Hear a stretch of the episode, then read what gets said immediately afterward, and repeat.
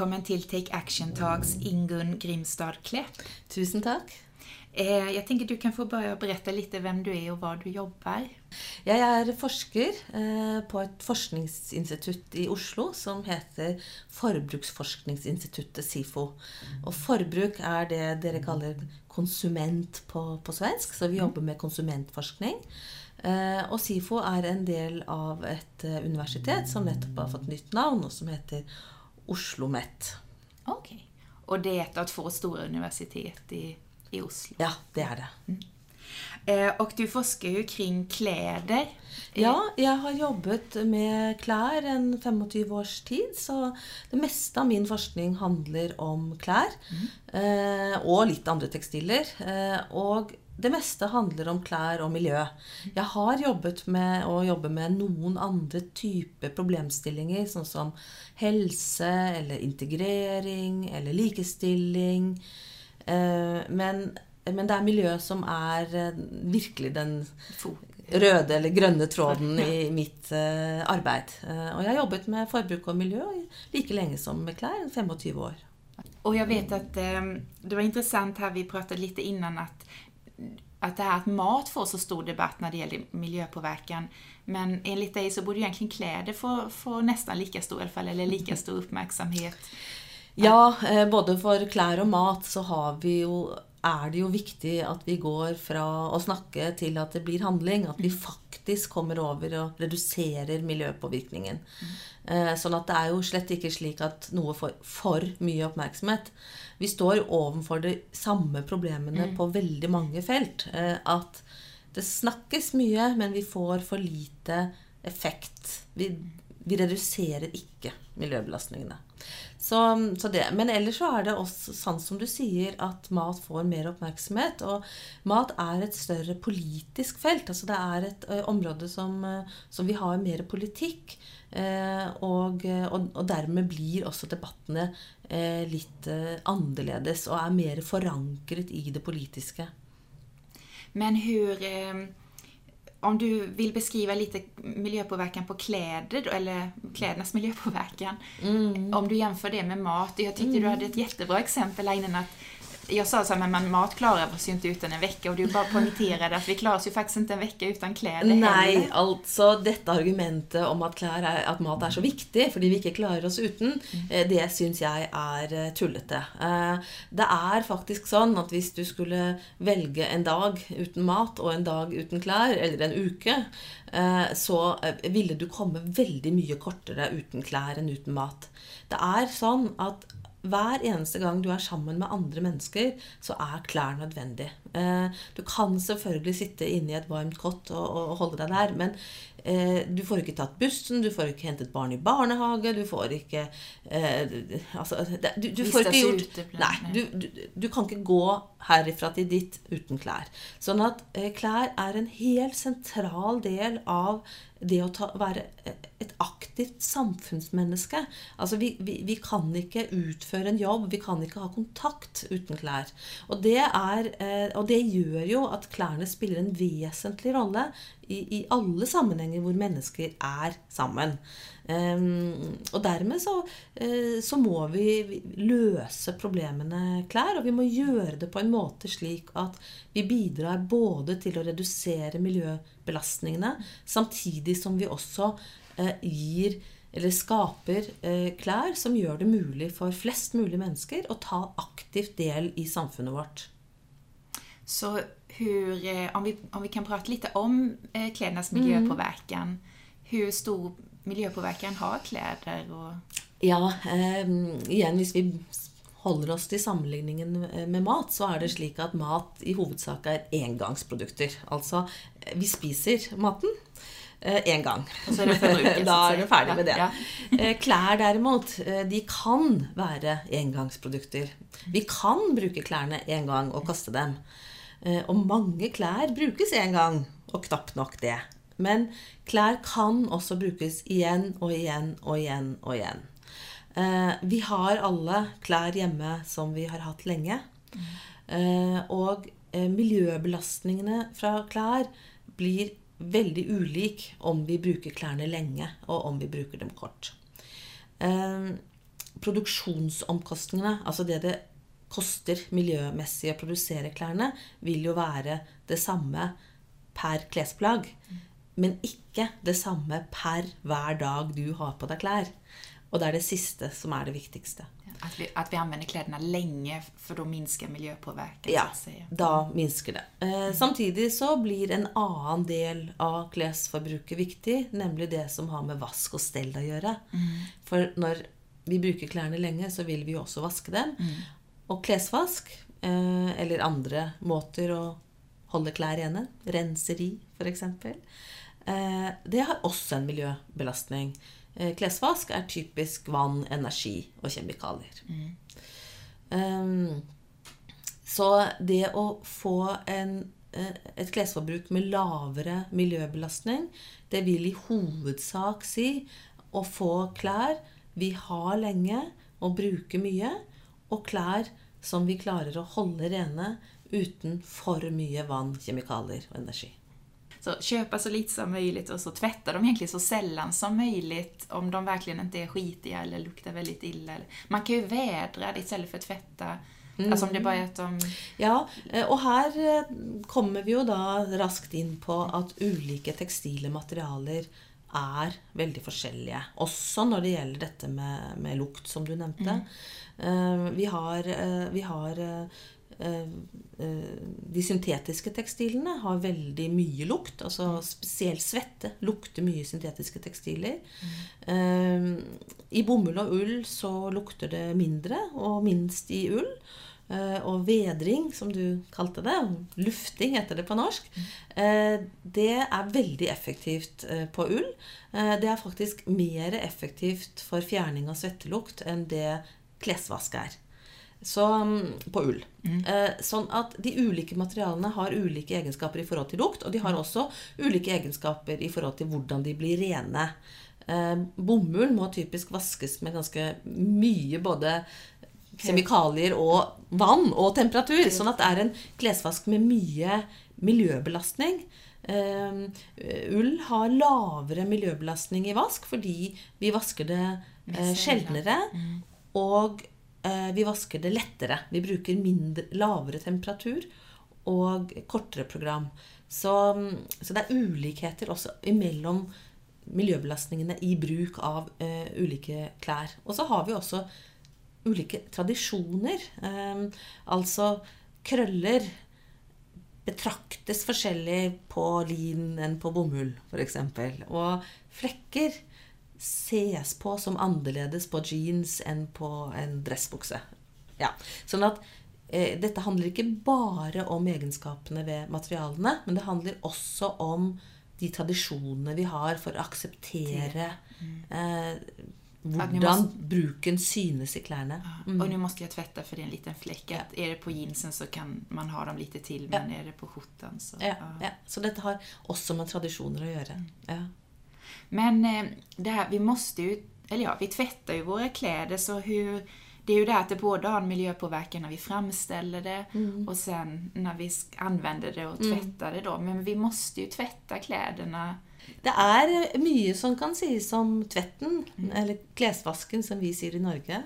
Uh, og her er det noen hovedregler som er, är uh, greie, og det er at uh, eh, luft og fjern flekker eh, Når du vasker, eh, i, så, så bruk fulle maskiner. Altså Ja. fyll maskinene, slik at du ikke vasker flere maskiner enn du trenger. Eh, Du kan også gå ned i temperatur. Eh, Det betyr mye for energiforbruket. Eh, Og planlegg eh, også klesvasken når klær anskaffes. Altså hvis du har ett hvitt laken som må vaskes alene, så blir det flere vaskemaskiner eh, enn om du Det er bedre å spare, Ja, kanskje, ja, til man ja. får ihop en full. Ja, Mm. sånn at da må du jo også ha klær som kan vaskes sammen. Sånn Ja. at hvis å kjøpe klær i, som skal vaskes separat, eller skal vaskes med lignende farger hvis du ikke har andre farger altså, Det er jo noe med at man skaper seg selv arbeid, og man skaper også større miljøbelastning ved å ha alt mulig som skal vaskes forskjellig. Ja, for vissa kläder står det så Ja, ja, tvättas separat ja, eller tvättas ja. med liknende. Så Man kan spare gjennom litt planlegging. Det er jo selve tvettingen, men om Mm. vi går til produksjonen mm, mm, av kläder. Mm. Som jag förstod det så är ju huvud, ett av huvudproblemen med kläder är ju att det tillverkas alldeles för mycket. Ja, det er mengden. Vi har hatt en enorm vekst i forbruket. Eh, Nå ligger vi på ca. 15 kilo per person eh, i året. Og det er mye, mye mer enn det vi klarer å slite ut. Eh, og eh, Så veksten er i grunnen et hovedproblem. Eh, men eh, produksjonen av tekstiler er eh, belastende, og den er det på mange ulike måter. Eh, De ulike fibrene produseres på forskjellige måter. Største gruppene av tekstiler er de syntetiske. De er laget av olje. Mm. Det skal vi snakke litt om senere. men eh, det er jo et problem i seg selv, altså Ja, olje, ja, si- eh, og hva det blir til. Eh, Så har vi eh, de, de eh, nest største, nest viktigste, er bomull. Eh, Og der har vi stor eh, arealbruk, vi har veldig mye kjemikaliebruk. Vi har store problemer med biedød, og vi har, ja, vi har store problemer med, med bomullsproduksjonen. Mycket vatten. mye vann, og det er også arealer som man kan dyrke mat. Så det er jo også en, en ting, da. Eh, og så har vi eh, ull, som er en liten fiber, men som, eh, som jeg har jobbet veldig mye med, og som vi produserer en god del av i Norge. Litt i Sverige også. Og ull er jo da knyttet opp til, til de problemer som husdyrhold har. Vi har diskusjoner rundt dyrevelferd, vi har problemer med, med, med, med CO2, Koldioxidutsläpp. koldioxid eh, fra, fra dyrene osv. Så videre. sånn at der er det andre problemer. Og så har vi en stor, viktig gruppe som vi kaller regenererte fiber. Altså som er laget av tremasse eller avfallsprodukter. Og det lages jo også i Sverige. Og det forskes mye på dette området. Det som viskos. Ja, sånn som viskos. Og det er nok mange som tenker at det er på det feltet fremtiden ligger. Fordi, fordi å dyrke bomull på sikt med så mange mennesker som vi skal bli, eh, det er nok eh, ja. Det er litt problematisk, ja. Eh, og olje er har sine problemer. Men foreløpig så er det også problemer med viskosesiden, eller disse regenererte. Og det er knyttet opp til stort energiforbruk og kjemikaliebruk i prosessene. Så uansett hvilke fibergrupper vi snakker om, så er det mye miljøbelastninger. Eh, Og det er også slik at én ting er produksjonen av fiber, men så skal fibrene bearbeides, og de skal spinnes, og de skal farges. Masse kjemikaliebruk. Og de skal tilsettes ulike eh, egenskaper. Vanntetthet, lavere brennbarhet. Eh, de skal ikke rynke, eller de skal ikke krympe, eller de skal ikke Ja, alle disse egenskapene som klærne har. Og det oppnår vi gjennom kjemiske tilsetninger eller prosesser som i seg selv også belaster miljøet. Så det er ikke bare produksjonen av fiber, det er hele produksjonen. Og dette er en lang verdikjede. Eh, Den er veldig global, eh, og den er veldig lite kontrollert. Altså det er veldig lite eh, reguleringer i verdikjeden. Og et godt eksempel på det, som jeg tenker at mange av lytterne kanskje, eh, kanskje vet, men ikke har tenkt på, det er eh, GMO. Altså genemanipulering. Det er et, et, et, et, miljøpolitisk område. Det er mange mennesker som mener at, vi, at de ikke vil ha genmanipulerte varer. Og det er eh, strenge reguleringer på mat. Eh, På tekstilsiden så er det ikke engang en merkeordning. Hvis du ikke vil ha genmanipulert bomull, så kan ikke du si det i butikken. Ikke sant? Du kan ikke si Det är omvitt vet om det. Nei, nei, nei. nei, nei, nei. For det er jo ikke noe, det er ikke noe merking av det. Og det er ikke noe politisk diskusjon rundt genmanipulering av tekstiler.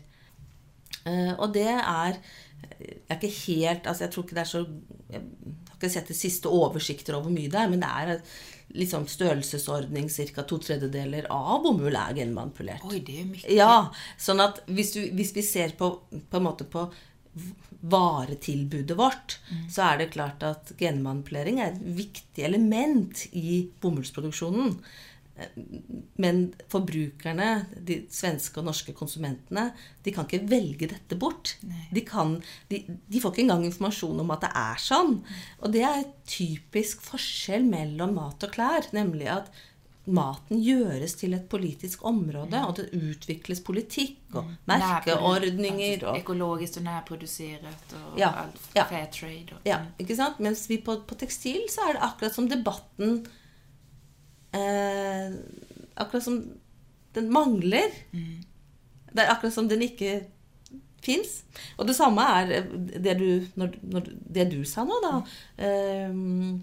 Eh, eh, lokalt. Eh, det har vært en stor satsing i, i, Norge og Sverige og andre steder på lokalmat. Mm. Veldig spennende. Det er kommet mange nye små produsenter og mange måter, nye former for distribusjon. I Norge heter det eh, andelslandbruk og Bondens marked og ja. Mm. Eh, en tilsvarende satsing innenfor klær er mye, mye mindre. Eh, og mye mindre støttet eh, offentlig.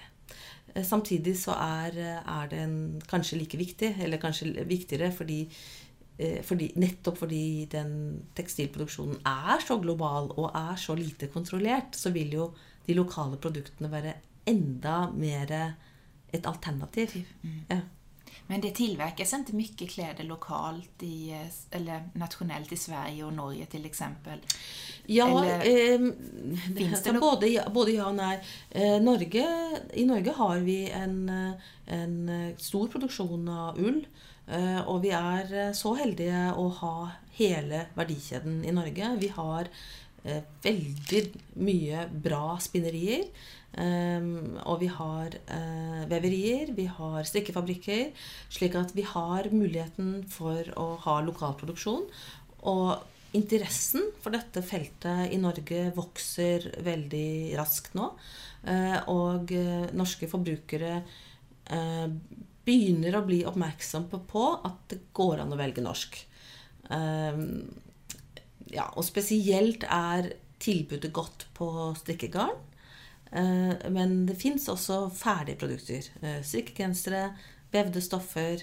Eh, etter hvert også mer, litt mer variasjon. Så her foregår det mye, både på produktutviklingen, også på markedsføring. Og vi ser at en del av de som tidligere har arbeidet med mat, også begynner å ta inn klær. F.eks. gårdsutsalg. Um, og da har tekstile produkter fra egne sauer sammen med med kjøtt og ost og hva det nå måtte være de har. Og det er, det er mm, veldig spennende. Eh, og eh, for oss som jobber med det, så er det jo også sånn at vi tenker at lokal produksjon er et alternativ fordi at det bidrar til å heve kunnskap og forståelse for produktene. Mm. Og det tror jeg at vi kan se veldig tydelig på mat at det er ikke bare at vi har fått det produsert et annet sted, men det er jo også sånn at lokal produksjon blir annerledes. At du blir mer opptatt av råvarene, av smaken, av tradisjonene. Eh, du blir mer villig til å betale litt mer, til å ta litt mer vare på. Eh, og dette er ting vi trenger på tekstilsiden. Altså Vi trenger å få opp forståelsen for hva kvalitet er, hva råvarene betyr, hvordan klærne kan bli bedre for oss. Eh, og da tror vi at det å jobbe med lokalproduksjon og knytte klærne mer til, eh, til stedet, til landskapet, til naturen og til livet der, eh, gjør at vi lettere kan få en forståelse for, for, ja, for tradisjon og for kultur og for, for klærnes si, verdier. Da. Mm. Um, og det er det vi jobber med i forhold til uh, ull i Norge. Uh, og, og, da kan vi også lettere ta vare på alle de nyansene som fins i råvarene. Og igjen, dette kjenner folk igjen fra, fra matfeltet. at poteter ikke bare er poteter. No, mange ulike Det er mange, ja. ja, Noen er gode til å koke, og noen til å steke. Og noen er små og ekstra gode, og ja, mange forskjellige. Eh, og sånn er det med, med ull også. Eh, at stor industri, global masseproduksjon, den forutsetter veldig ensartede råvarer. Og da blir alle råvarer som er litt annerledes, vanskelige. Og eh, for, på ull er det f.eks. Eh, sauer som er sorte. Altså pigmentet er problematisk. Det er mye lettere å masseprodusere tekstiler av hvite sauer. og disse fargede, da, de er jo så vakre, og de er jo så nydelige. Så noe av det vi da har jobbet med, er nettopp det fargede ullen. Fordi den har jo en egenskap som kan bli til noe veldig veldig fint. Nemlig klær som ikke er hvite, men som ikke har vært nødvendige å farge. Nei. Da sparer vi masse energi. Mm, mm. Vi sparer masse kjemikalier. Mm. Men eh, det er småskala. Det, dette er jo da ikke noe som passer i en kjempeproduksjon globalt. Slik at småskala lokal produksjon kan også ivareta egenskapene ved råvarene på en annen måte. Det hadde vært bra om vi ser mer eh, tradisjon av at det kom at eh, som du sier, at vi bør produsere mer lokalt og få mer oppskatning for eh, materialen. I Sverige er det stor interesse nå for bedre utnyttelse av den svenske ullen. Og det er veldig flott og veldig spennende. Og det er masse entusiasme og nye bedrifter og mye spennende som skjer. Samtidig så er det slik at Sverige har et mye dårligere innsamlingssystem for ull. Slik at det er også mye mer ull i Sverige som ikke blir brukt, og som ikke blir klær, og som ikke blir garn. Så det er en lang vei frem. Men det skjer i hvert fall mye. Eh, vi i Norge produserer mye, mye mer, eh, og vi har et, et veldig godt eh, system, slik at vi har lite problemer med at ull kastes. Um, og det er veldig bra, fordi at det å ta vare på råvarer er jo faktisk veldig viktig. Mm. Uh, man snakker veldig ofte om miljøløsninger i nye materialer og resirkulering og sånn. Men det å faktisk bruke de råvarene vi har, på en fornuftig måte, uh, det er helt, helt sentralt. Uh, så det å kaste råvarer, eller altså ikke utnytte dem, det Det er jo som matsvinn. Det blir jo svinn Man kan jo si at det blir ullsvinn, eller altså ja. råvaresvinn? Ja, altså eh, vi har, eh, vi har, Det er absolutt ingen bedre idé å kaste tekstiler enn det er å kaste mat. Eh, det er akkurat like dårlig. dårlig. Mm. Um, og det er kjempebra at det fokuseres på uh, matsvinn. Mm. Um, når det gjelder tekstilsvinn, hvis vi skal bruke samme ordet, uh, så foregår det helt fra starten av. Det er all den ullen her i Sverige, f.eks., mm. som ikke ikke blir videreforedlet, det er svinn. Mm. Eh, og så er det hvert eneste ledd i produksjonen, så er det svinn. Eh, det, er, eh, det er svinn i alle ledd, og det er ikke minst svinn der hjemme. Alle de klærne som har kommet inn i huset, eh, og som vi ikke bruker. Og av, av, de klærne så er det faktisk ganske mange som vi er litt uskyldige i. Eh, vi får klær eh, på idrettsarrangementer og som gaver og som Ja. Eh, I en rekke sammenhenger blir det gitt klær eh, som det er liten grunn til å tro at eieren kommer til å bruke mye. Spesielt T-skjorter. Så, så dette må vi, skal vi si bremse opp. Um, og det har jo en sammenheng med hvor, hvor lett tilgjengelig klærne er. Mm. De har blitt veldig, veldig billige. De koster veldig, veldig lite. Eh, og det gjør jo at det er så lett å si ja. Eh, det er så lett å Kjøpe og handle, og det er billig å ja. unne seg. Og... Ja.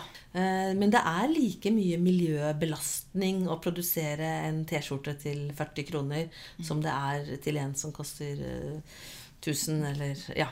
Sånn at prisen eh, er jo eh, Så den prisen vi betaler miljømessig, er den samme.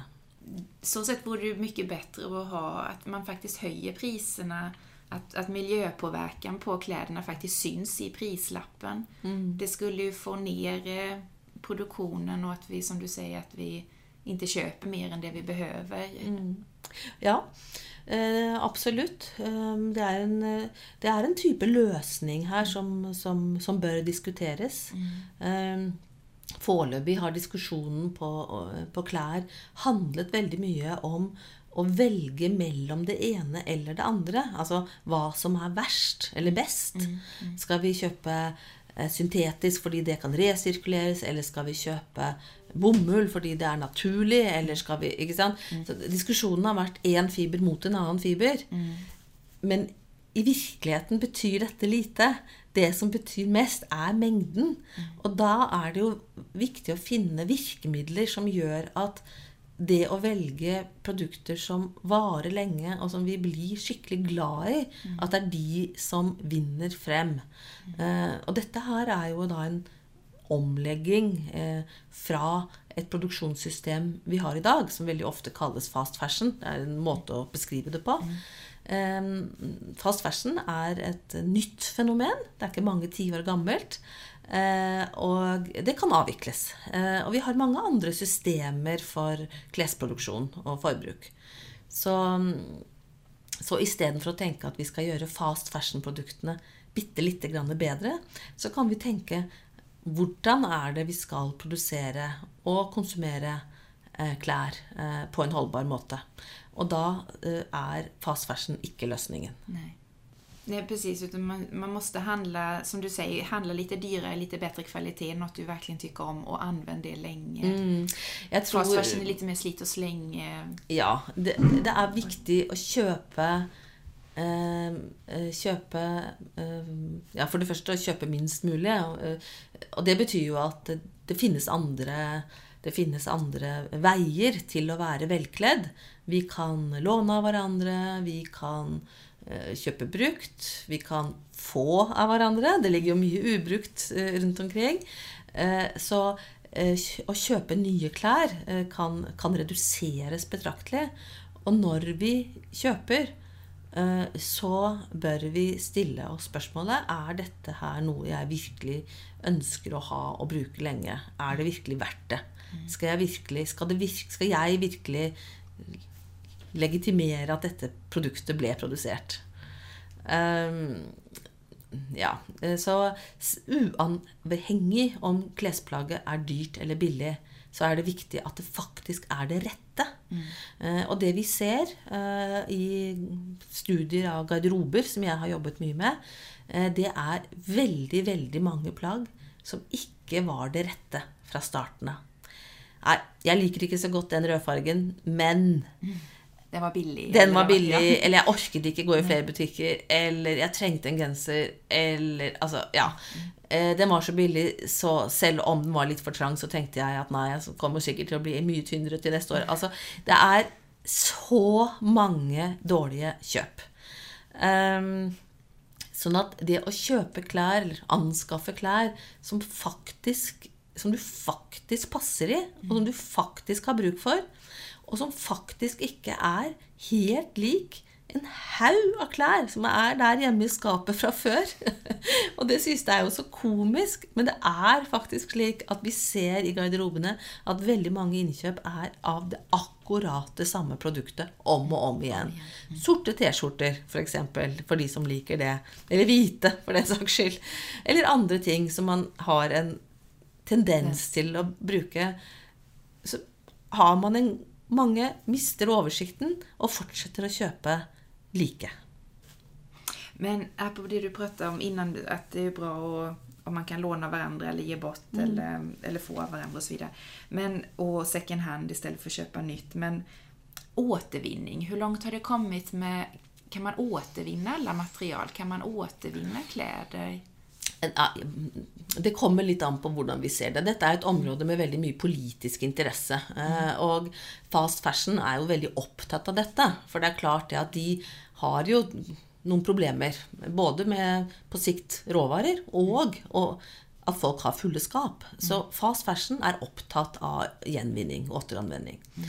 Eh, I praksis i dag så er det sånn at det er det vi kaller downcycling. Altså tekstiler eh, kan bli til noe eh, når de er kasserte, men det blir til ting på et lavere nivå. Altså pussefiller, isolasjonsmaterialer eh, osv. Eh, resirkulering i betydningen at man tar det brukte materialet og lager en ny Jeg tenker at man tar liksom trøye og så som man kaster, så at man återvinner få Ja. ned och så spinner Det finnes, tråd. Eh, altså det som, Når vi snakker om resirkulerte mm. materialer på tekstilsiden, så kan man f.eks. bruke eh, eh, plastflasker og lage eh, syntetisk tekstil. Men du kan ikke gjøre motsatt. Eh, og du kan jo selvfølgelig bruke det i plastflasken til å lage nye plastflasker. Så det er ikke noe helt spesielt poeng her å bruke det til tekstil. Men det får jo en økonomisk verdi fordi at resirkulerte materialer har fått en høy miljøstatus, eh, vil jeg si da. Eh, Du kan også resirkulere ull og lage ny ull av det. Eh, typisk er det mye svakere og dårligere materiale. Så igjen vil jeg jo si at det er bedre å bruke ullen til å lage gode klær som varer lenge, enn å tenke at vi skal resirkulere den. Resirkulering betyr at vi får dårligere eh, materialer. Eh, det blir inte snak- lika bra i Nei, andre. det blir revet fra hverandre slik at fibrene faktisk blir dårligere. Eh, Sånn at det er et dårligere materiale vi ender opp med. Og jeg eh, ja, eh, Tatt i betraktning at tekstilproduksjonen har miljøbelastninger gjennom hele, så vil det jo også bare, bare være fibrene vi her snakker om. Alle de andre prosessene. Spinningen, strikkingen, sømmen, fargingen, etterbehandlingene vil være de samme. Sånn at du, det, ikke noe, det blir ikke noen løsning av problemet. Det er bare en liten del Ja, det hele. Vi må göra hele. den produktionskedjan Nettopp. en gang ja, til. Nettopp, ja. Så det er lite å vinne. Så det vi gjør i dag, eh, er jo energigjenvinning. I både Norge og Sverige brennes jo avfall til energi. Eh, Og, og eh, miljøfordelene på resirkulering i forhold til energigjenvinning er til stede, selvfølgelig. Det er en forskjell. Men det som virkelig monner miljømessig, det er at vi bruker klærne lenger. Eh, og da er den første eieren veldig, veldig viktig. Vi løser ikke utfordringene ved å skifte eiere hele tiden. Det er bedre at uh, den som ans- først, er är den som Ja, ja. det lengst For de aller fleste klær er det slik. Det er klart at vi har noen unntak, og unntakene er eh, ja, brudekjoler. Uh, Vi vil jo ikke gifte oss igjen om og om igjen, så, så Altså, der er det andre må, må noen andre bruke kjolen hvis den skal brukt, bli brukt som brudekjole, da.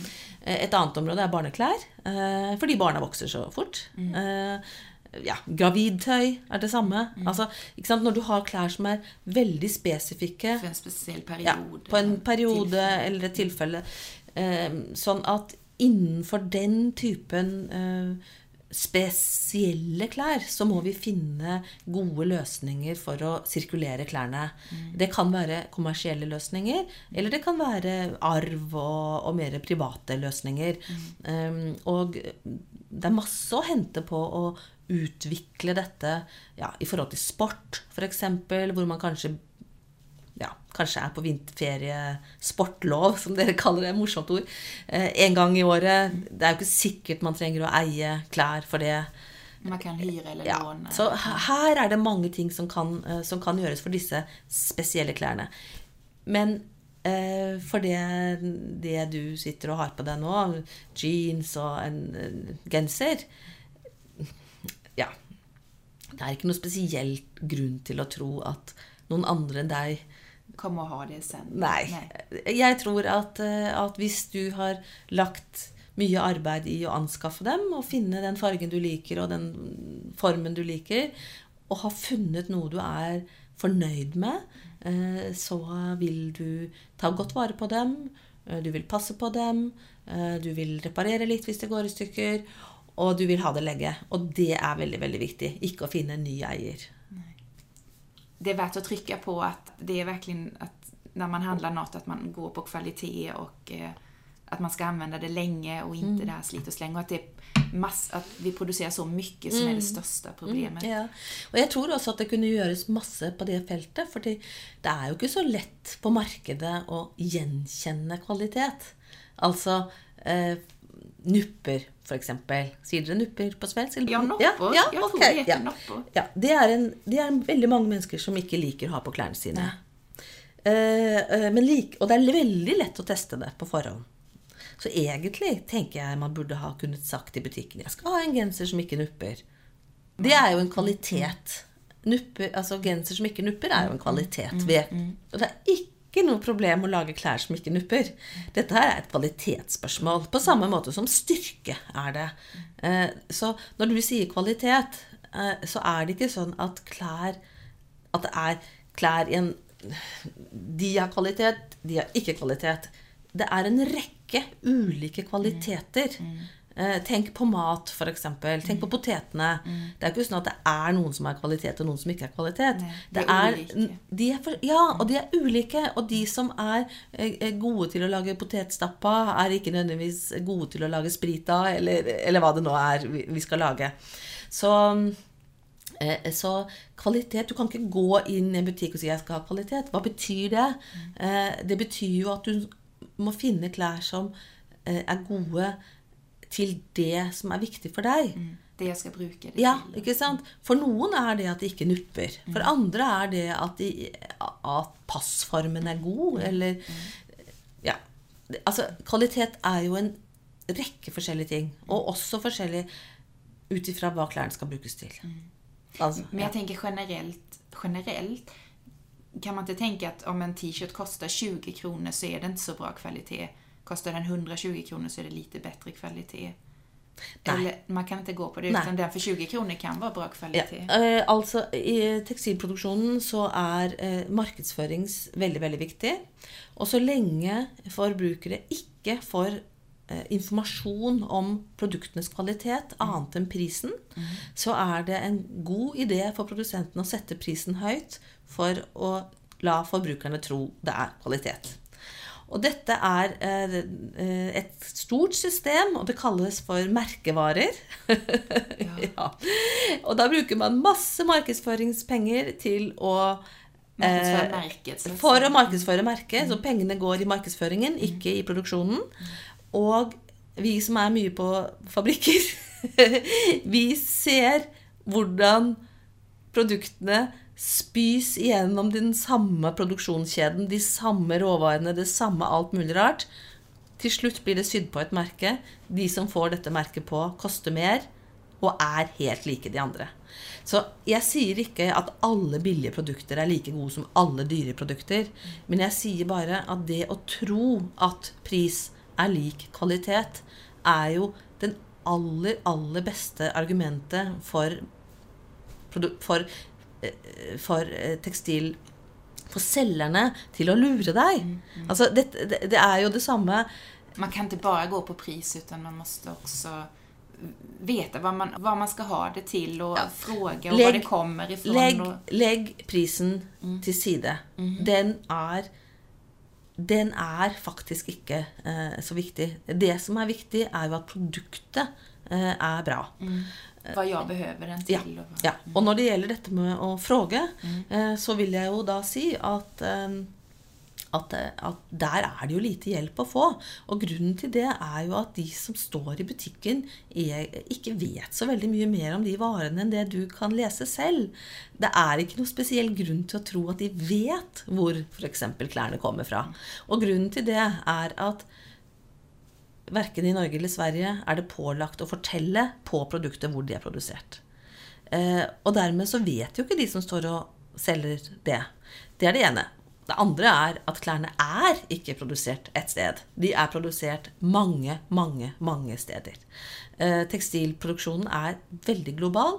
Du har råvareproduksjonen et sted, du har spinningen et sted, du har strikkingen, vevingen, sømmen osv. osv.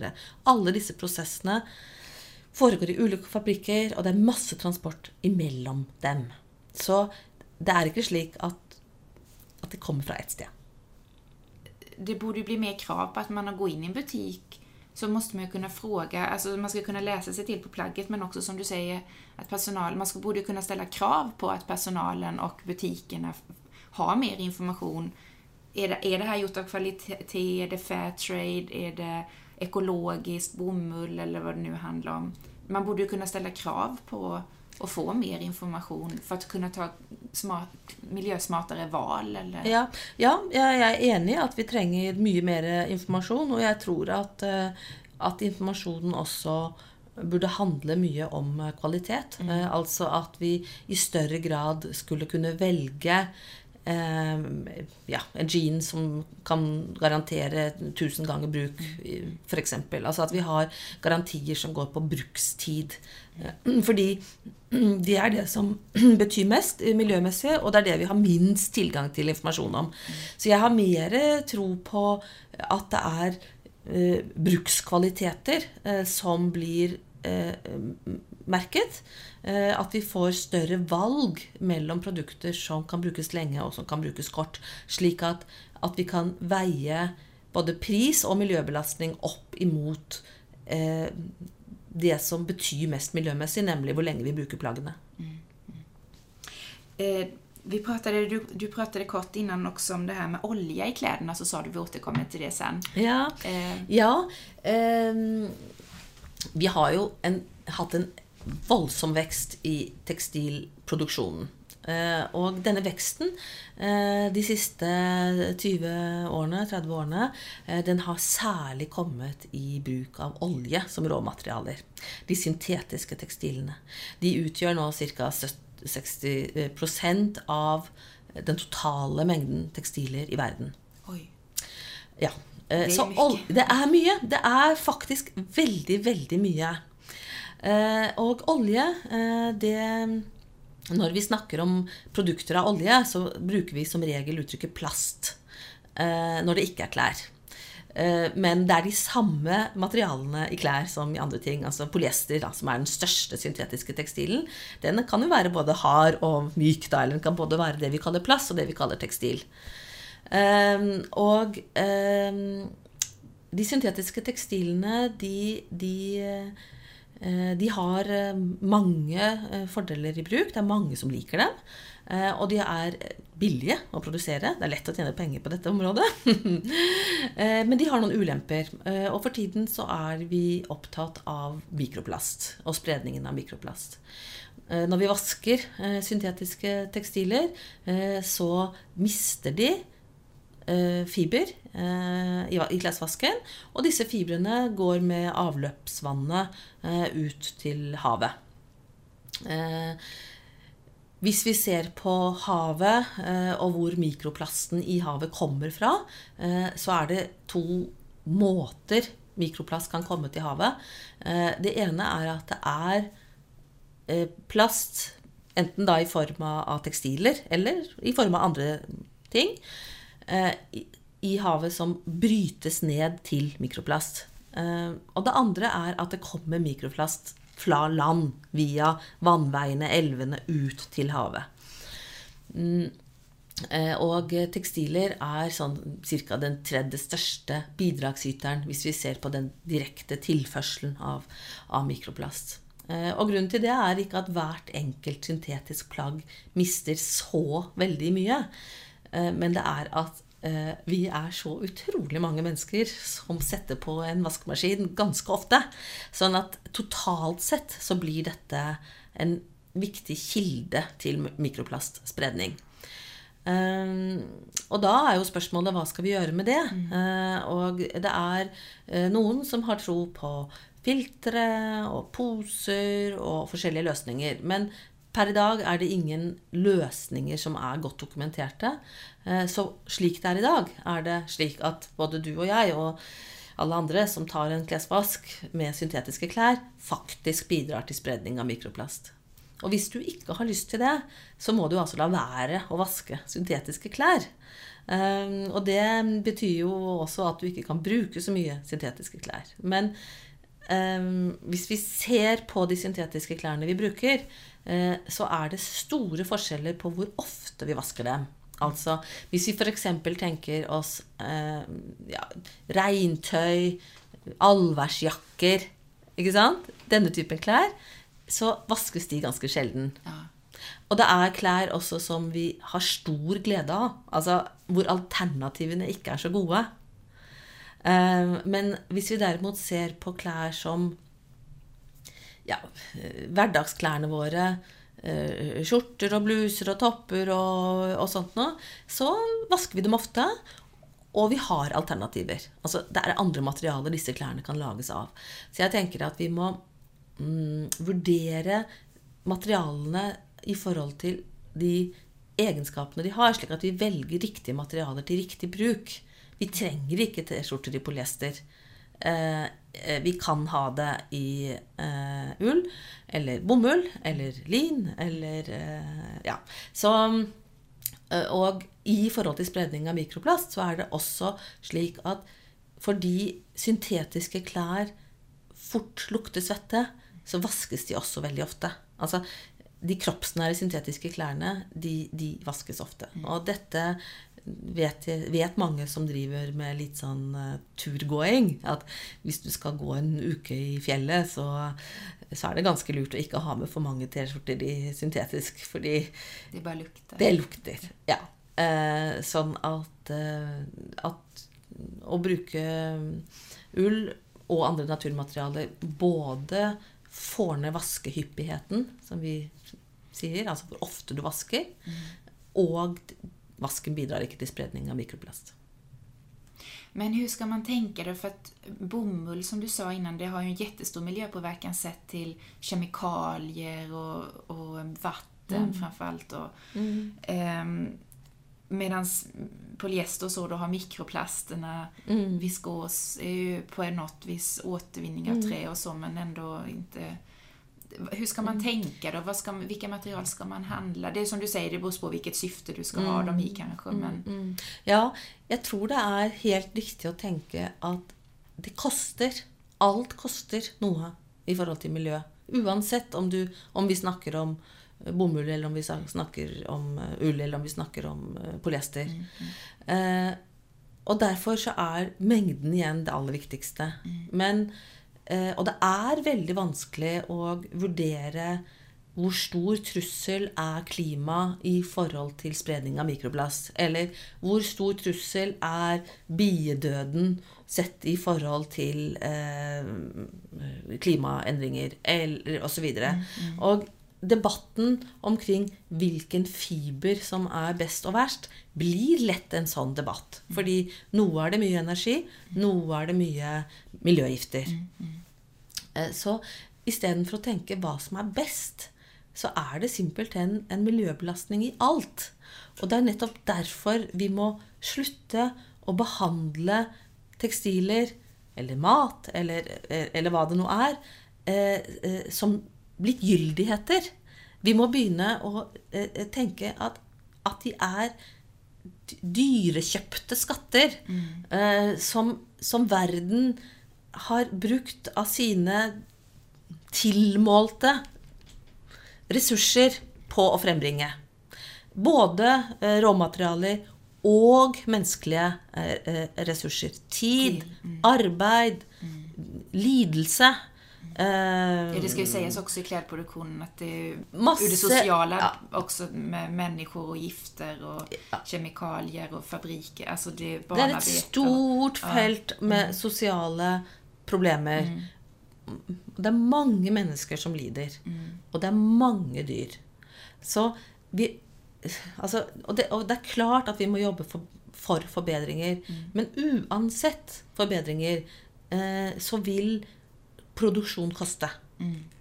Og det mener jeg er en, en, en, hovedsakelig ting å arbeide med. Å få opp forståelsen for kvalitet. Og få opp forståelsen for at vi er heldige eh, som har disse skattene som har blitt laget.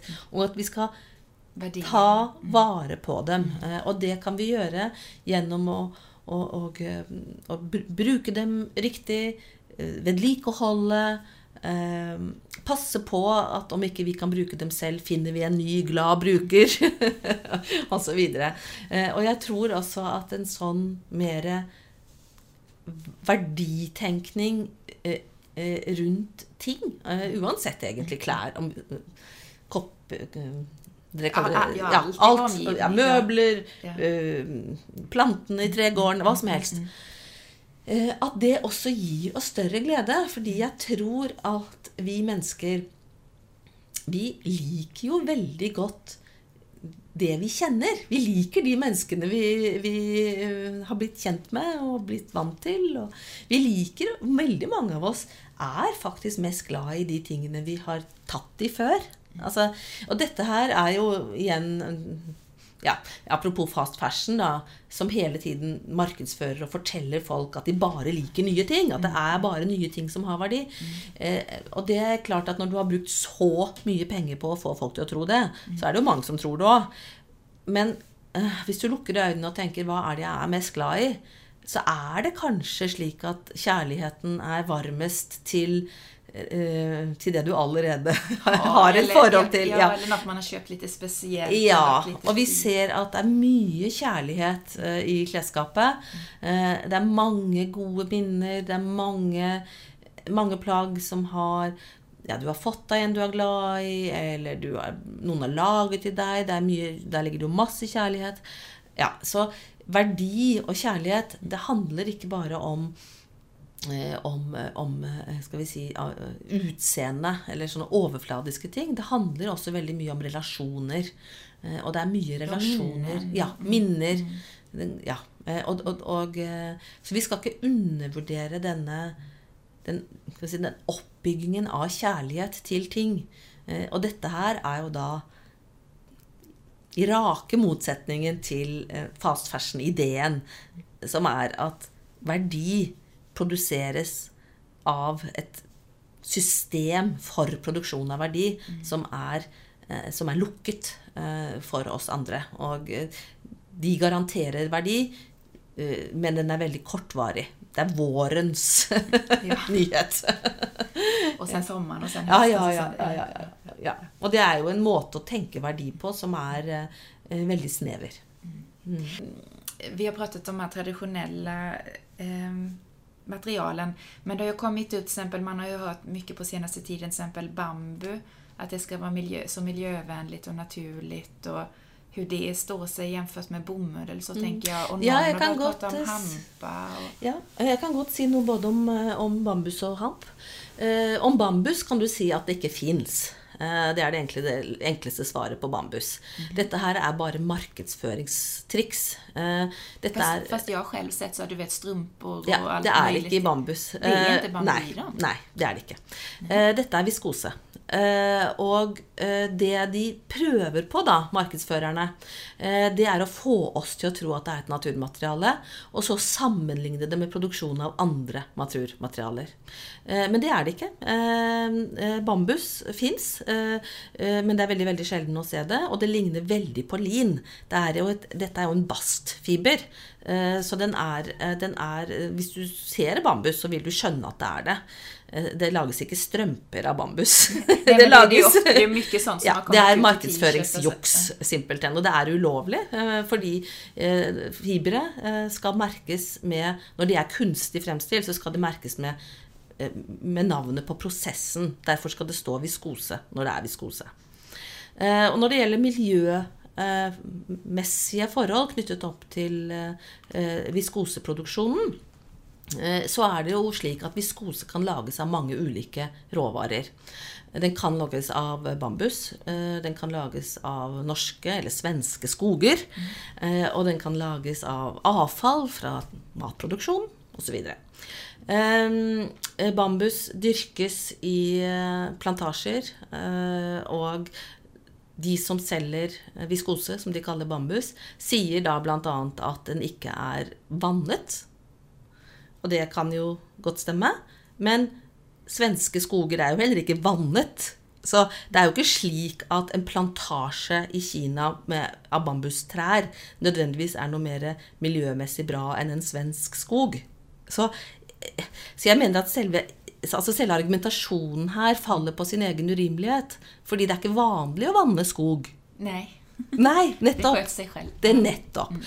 Og eh, plantasjer er en annen type produksjon enn mm. naturlig skog. Mm. Så diskusjonen om hva vi skal bruke som råvarer til eh, viskoseproduksjon, mm. den burde jo ikke handle om Um, om man vanner eller ikke vanner skog, for man vanner ikke skog. I hvert fall altså, mm. tullete å vanne skog.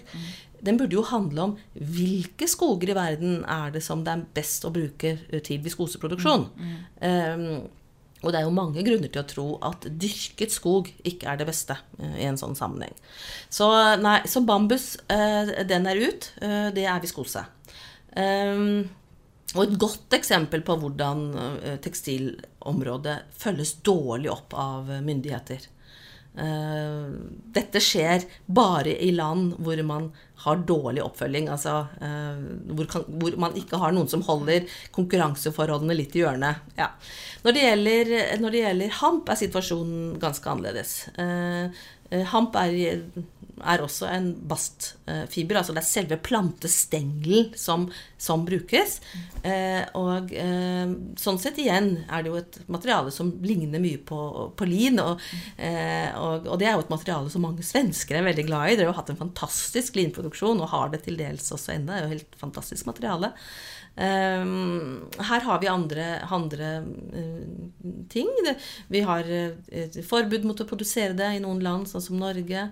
Eh, Pga. at planten ligner veldig på en nær slektning som kan brukes til andre litt skal vi si, mer problematiske ting osv. Eh, det er riktig at den planten har fordeler i forhold til dyrking av bomull. F.eks. Eh, hvor den kan vokse, eh, hvor mye vann den trenger, men også hvor stor del av planten som faktisk blir brukt i tekstilproduksjonen. For i bomull er det jo bare frøkapselen, altså det er bare den, mm, mm. mens her er det hele stengelen, så den er jo en skal vi si, smere, kan du si. Eh, men vi har samtidig ingen eh, stor produksjon, så det er på en måte et nisje, et nisjeprodukt. Så hvorvidt Eh, produksjonen av ham kommer til å vokse og bli viktig. Eh, det vil jo, eh, vil jo tiden vise. Men det er i hvert fall en, en naturfiber med, med, mange interessante egenskaper. Og, og, jeg tror også at for de som liker både lin og, og hamp, så kan jo dette også være produkter som man virkelig blir glad i. Fordi de har en evne til å eldes med verdighet. Altså at de blir vakrere i bruk. Og det er jo en veldig viktig egenskap hvis vi skal ha klær lenge. Eh, at slitasjen blir vakker, og ikke Altså at ikke Skal vi si for noen bare, Man vokser i det, så ja, det blir vakrere ja, ja, ja, Og det er jo veldig annerledes enn de syntetiske mm. tekstilene, som veldig ofte slites på en veldig sånn usympatisk måte. Mm. Polyester, flis f.eks. blir sånn litt hard og nuppete og litt sånn ja, ulekker mm. eh, når den blir slitt. Så, så hvordan materialene eh, påvirkes av bruk, er viktig også for at vi faktisk bruker dem lenge. Mm. Men som du sa, det finns ju inte så stora produktioner av hampa idag utan mm. det är ju eh, mm. ja, som något komplement eller om man ja. satsar på det eller något lokalt. Eh. Mm.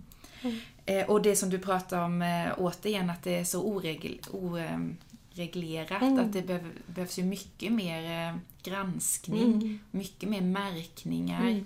Mm. Eh, Hvis du ser på det med denne markedsføringen av bambusen, mm. så er det nok slik at de aller fleste skriver på fibermerkingen viskose. Eh, fordi at fibermerkingen er knyttet opp til en forskrift. Så at hvis det står bambus på fibermerkingen, mm. Eh, så, kan, så, er det forbudt å selge. Sånn at det er ulovlig, ikke sant? fordi vi tross alt har en forskrift om fibermerking.